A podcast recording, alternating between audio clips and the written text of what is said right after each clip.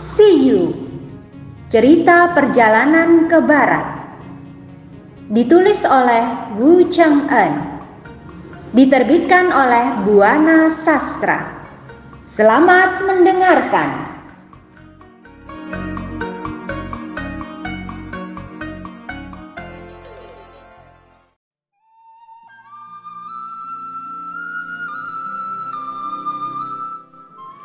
Bab 12 Tuigi menyelamatkan Kaisar Taidong. Kaisar berjalan-jalan di akhirat.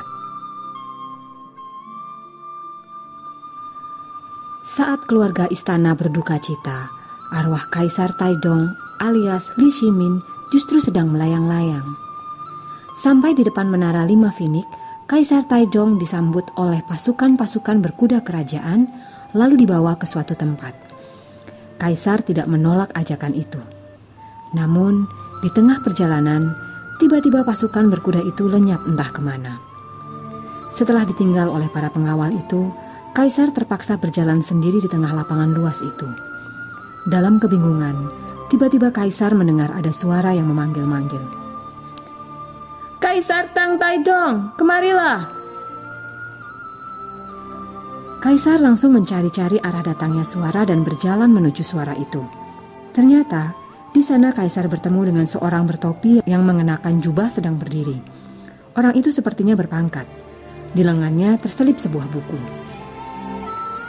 Ketika Kaisar menghampiri orang itu, ia segera berlutut di hadapan Kaisar. Yang mulia, maafkan hamba karena terlambat menyambut kedatangan yang mulia. Siapa sebenarnya kau? Kenapa memanggil-manggilku? kata Kaisar. Sekalipun terlambat, hamba datang kemari untuk menyambut yang mulia.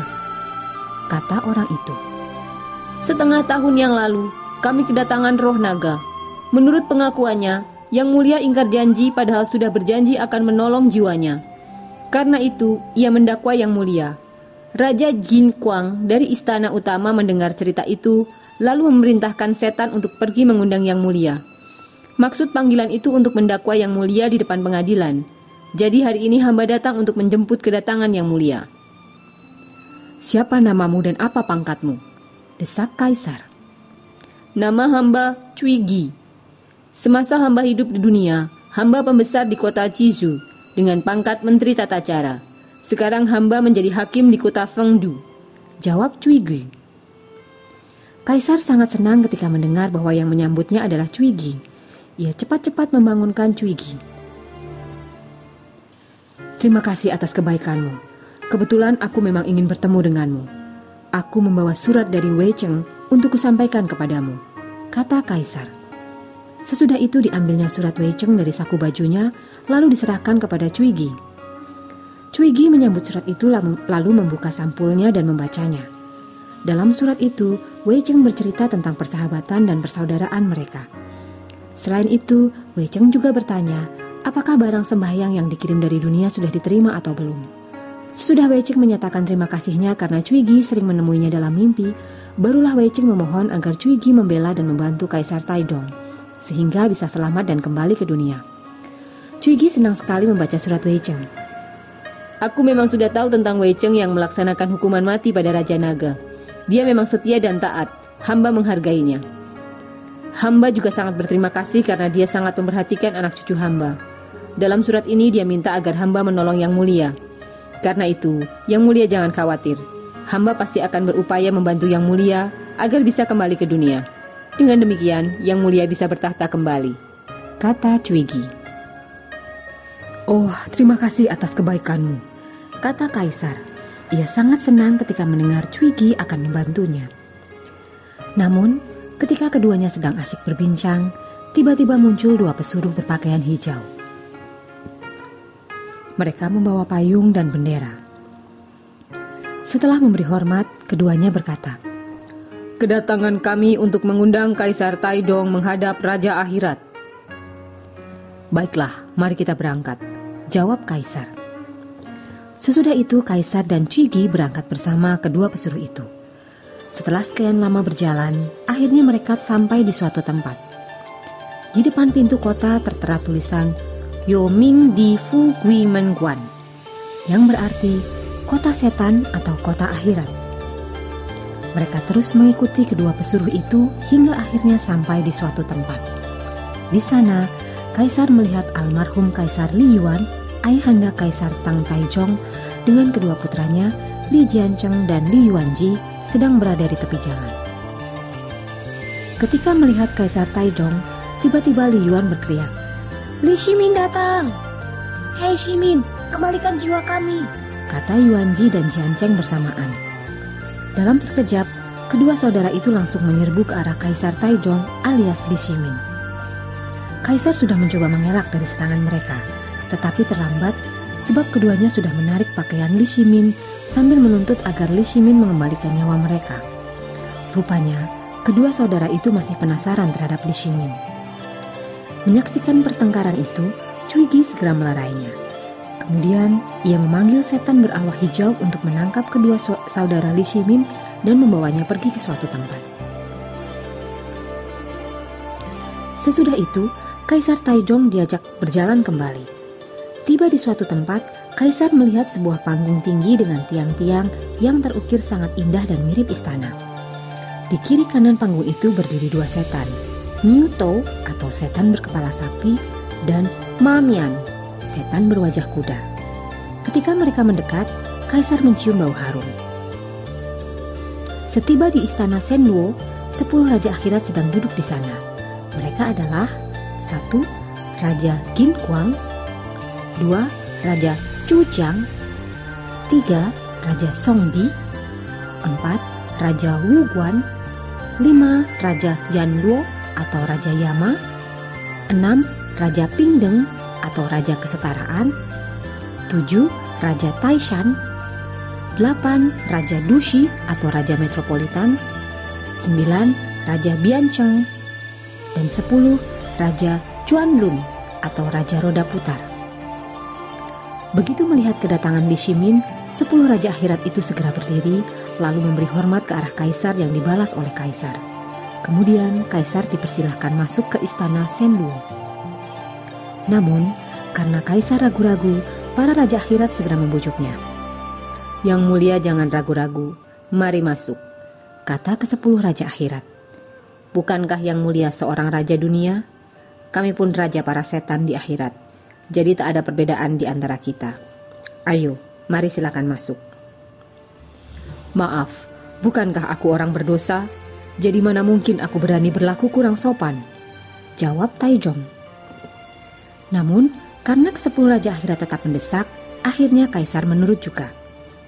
Setiba di dalam ruangan, mereka saling memberi hormat. Sesudah itu barulah mereka duduk di kursi masing-masing. Sesudah suasana agak tenang, Raja Qin Kuang selaku ketua dari semua raja akhirat mulai berbicara. Yang mulia, yang mulia diundang ke tempat ini karena roh naga dari sungai Jing telah menuduh yang mulia ingkar janji. Padahal menurutnya, Yang Mulia berjanji akan menyelamatkannya dari hukuman mati yang dilaksanakan oleh Algojo Yang Mulia yang bernama Wei Cheng. Dengan penasaran, ia datang kemari dan menuntut keadilan pada kami. Sekarang, kami minta Yang Mulia bersedia menjelaskannya dengan singkat. Baiklah, aku akan menjelaskannya. Suatu malam, aku bermimpi didatangi Raja Naga, kata Kaisar. Dia datang untuk memintaku menolong jiwanya. Katanya dia telah berdosa pada Kaisar Langit dan akan dihukum mati oleh menteriku yang bernama Wei Cheng. Karena Wei Cheng memang menteriku, apalagi aku juga tidak mengira kalau Raja Naga memang harus dihukum mati, maka aku menyanggupinya. Mendengar cerita itu, kesepuluh Raja Akhirat mengangguk tanda mengerti. Mereka membiarkan Kaisar Li Shimin meneruskan ceritanya. Jadi, untuk menolong Raja Naga, aku mengundang Wei Cheng ke istana untuk main catur tapi dia malah tiba-tiba tertidur. Aku yang tidak tahu duduk persoalannya malah merasa bersyukur bahkan membiarkan Wei Cheng tidur. Menurut pendapatku, jika dia tertidur, tentu dia akan lupa pada tugasnya. Ternyata, justru pada saat Wei Cheng tertidur, rohnya keluar dari raganya dan melaksanakan tugasnya dengan baik. Jadi, aku pikir ini bukan kesalahanku, tapi karena kecerdikan Wei Cheng. Lagi pula, Mungkin Raja Naga memang harus mati. Kesepuluh Raja Akhirat mengangguk-anggukkan kepala tanda mengerti setelah mendengar penuturan Kaisar. Kemudian Raja Qin Huang selaku ketua sidang menerangkan. Sejak sebelum Raja Naga dilahirkan, dia memang sudah ditakdirkan harus mati di tangan Wei Cheng. Kami semua sudah tahu hal ini. Namun, karena roh Raja Naga mengajukan dakwaan terhadap Yang Mulia dan meminta kami memeriksa perkara ini dengan adil, maka terpaksa kami memanggil Yang Mulia dan menyelenggarakan sidang ini. Tapi sekarang roh Raja Naga itu sudah kami kirim untuk bereinkarnasi. Jadi mohon maaf kalau kami telah mengganggu Yang Mulia datang ke tempat ini. Ketua sidang lalu memanggil Cwigi. Sesudah Cwigi datang, ketua sidang berkata, Coba kau bawa catatan umur manusia. Kami ingin memeriksa umur yang mulia. Mendengar perintah Raja Akhirat, Cwigi bergegas pergi ke ruang penyimpanan buku umur raja-raja. Kemudian, dengan hati-hati, Cwigi mencari nama Tang Taijong dari Nanshang Buchou atau benua selatan. Ketika Cwigi menemukan nama Li Ximin di dalam buku catatan umur manusia istimewa, ia sangat terkejut. Ternyata, di dalam catatan umur itu tertera bahwa usia Li Ximin hanya sampai 32 tahun. Jadi, menurut catatan itu, ia harus mati pada tahun kerajaan Cheng Guan ke-13 sama dengan usia Raja Naga yang dibunuh oleh Wei Cheng. Namun, karena Cuigi ingin menolong kaisar dari bencana kematian, maka dengan berani diambilnya bak tinta dan kuas. Lalu angka satu yang tertera di buku itu diubahnya menjadi angka tiga. Dengan demikian, Li Ximin akan hidup 20 tahun lagi. Tepatnya ia akan meninggal pada usia 52 tahun, bukan pada usia 32 tahun seperti yang tertera dalam catatan umur di langit. Setelah puas, Cuigi lalu membawa buku catatan itu kepada para raja akhirat. Sesudah menerima buku catatan itu, ke-10 raja akhirat segera memeriksanya. Mereka kaget dan curiga melihat tintanya agak baru. Namun, tak seorang pun dari mereka berani mengungkapkannya. Dengan sedikit keheranan, salah seorang dari Raja Akhirat akhirnya bertanya. Sudah berapa tahun yang mulia bertahta di kerajaan Cengguan? Sampai hari ini aku sudah 13 tahun menjadi kaisar. Jawab Taijong. Mendengar jawaban kaisar, ke sepuluh Raja Akhirat mengangguk-anggukkan kepala. Kemudian, mereka menutup buku catatan itu sambil tersenyum dan berkata, Hmm, jika demikian, Yang Mulia tidak usah cemas, sebab usia Yang Mulia masih panjang jadi masih bisa bertahan selama 20 tahun lagi. Sekarang, setelah pemeriksaan atas Yang Mulia selesai, Yang Mulia dipersilakan kembali ke dunia. Mendengar keputusan itu, Li Shimin segera berlutut mengaturkan terima kasih. Sesudah itu ia bangkit dan memberi hormat. Kaisar lalu keluar dari ruang sidang dengan diantar oleh Cui Gi dan Chu Taiwei serta ke sepuluh raja akhirat. Sebelum meninggalkan tempat itu, Kaisar kembali memberi hormat. Namun, Baru beberapa langkah kaisar berjalan, beliau sudah menghentikan langkahnya. Bagaimana dengan nasib keluargaku? Tanya kaisar. Semua dalam keadaan baik. Hanya adik yang mulia yang aku khawatirkan sebab usianya pendek. Jawab Raja Akhirat. Terima kasih atas penjelasan ini, kata kaisar. Sebenarnya, para Raja Akhirat tahu bahwa usia Li Shimin diubah angkanya oleh Cuigi namun mereka diam saja karena Li Ximin dipersiapkan untuk mengembangkan agama. Apalagi Li Ximin juga akan diajak jalan-jalan di akhirat agar kelak bisa kembali bila ia kembali ke dunia, Li Ximin bisa mengisahkan pada manusia bahwa perbuatan buruk di dunia akan mendapat hukuman di akhirat. Kaisar amat puas dengan keputusan raja akhirat. Karena itu ia berkata dengan senang, "Jika aku kembali ke dunia, Aku merasa tidak enak hati jika belum mempersembahkan sesuatu pada raja sekalian. Tapi di sana juga tidak ada barang yang berharga kecuali buah-buahan. Mendengar kata-kata Li Shimin, kesepuluh raja akhirat tampak senang. Di sini ada banyak donggua dan sigua atau jenis-jenis semangka, sedangkan nangua atau labu belum ada di sini. Oh, jangan khawatir. Kalau begitu, akan kuusahakan untuk mengirim labu kata Li Shimin. Sesudah itu Kaisar Taijong berpisah dengan para raja akhirat.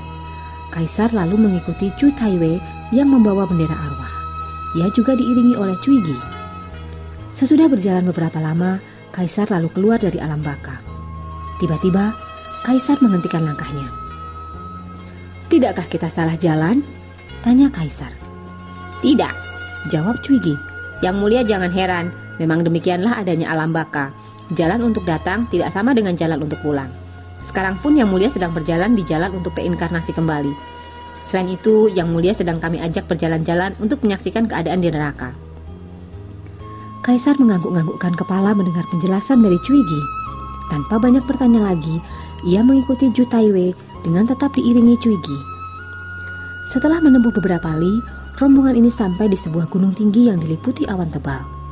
Kabut hitam menutupi sekitar gunung itu. Gunung apa ini, Cuigi? Tanya Kaisar pada Cuigi. Gunung Yin, tempat tinggal para setan dan roh jahat yang sedang menunggu hukuman. Jawab Cuigi. Oh, bagaimana aku bisa mendaki dan melewati gunung ini? Tanya Kaisar. Jangan khawatir yang mulia, aku bersama Chu Taiwei akan mengawal yang mulia. Jawab Cuigi. Sebenarnya hati Kaisar agak gentar dan takut. Namun karena ia tidak mau banyak bicara, ia terus mengikuti kedua pengantarnya. Dengan susah payah mereka mendaki gunung itu hingga tiba di puncak gunung. Setiba di sana, Kaisar memandang ke bawah. Lembah dan jurang yang curam, pepohonan yang rindang beraneka warna, serta suasana tempat yang berkelabut hitam dan menakutkan membuat hati Kaisar cemas. Di suatu tempat, hanya terlihat sungai kering dan gua gersang yang di dalamnya tinggal berbagai makhluk halus, setan dan iblis. Tak lama, Kaisar pun mendengar suara-suara yang membuat bulu kuduknya berdiri. Menurut keterangan Cuigi, itu adalah suara setan dan iblis. Suara lainnya adalah suara orang-orang yang sedang disiksa karena dosa-dosanya di dunia. Kaisar ketakutan melihatnya. Cuigi berkata pada Chu Taiwei, "Coba usir mereka." Sesudah itu, Kaisar melanjutkan perjalanannya dengan didampingi oleh Cuigi dan Taiwei. Ketika mereka tiba di suatu tempat, Kaisar mendengar berbagai suara jeritan yang menyeramkan serta menyerat hati, menyayat hati. Tempat apa ini? Tanya Kaisar. Tempat ini bernama 18 lapis neraka, sedangkan kita berada di bagian belakang Gunung Yin. Suara-suara apa itu? Kedengarannya mengerikan, kata Kaisar. Jika Yang Mulia tidak takut dan ingin tahu, hamba bersedia menceritakan semuanya pada Yang Mulia. Jawab Cuigi.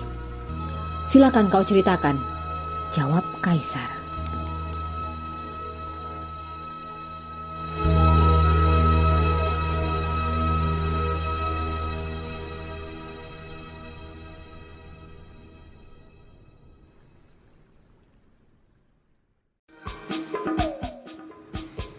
Dengarkan kisah selanjutnya.